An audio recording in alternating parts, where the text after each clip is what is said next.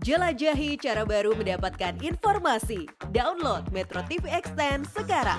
Sebelum melanjutkan kunjungan kenegaraan di Afrika Selatan, Presiden Joko Widodo mengunjungi Mozambik. Bersama pemerintah Mozambik, Indonesia melakukan kerjasama di sejumlah bidang, termasuk bidang ekonomi dan pembangunan. Presiden Joko Widodo tiba di kantor Presiden Republik Mozambik di Maputo, Republik Mozambik pada Rabu 23 Agustus 2023. Presiden Jokowi disambut langsung oleh Presiden Republik Mozambik Filipe Nyusi.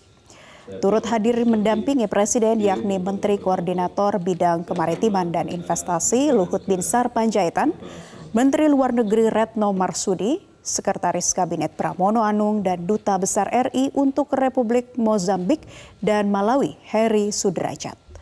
Dalam pertemuan tersebut, pemerintah Indonesia menjajaki sejumlah kerjasama di bidang ekonomi dan pembangunan.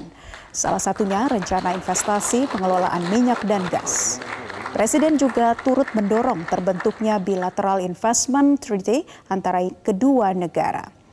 Indonesia Mozambik juga sepakat memperkuat kerjasama ketahanan kesehatan Mozambik melalui pengadaan vaksin, obat-obatan, dan alat kesehatan. Dari pertemuan ini, kedua negara menandatangani sejumlah dokumen kerjasama, yakni nota kesepahaman dalam kontrol obat-obatan dan produksi biologis.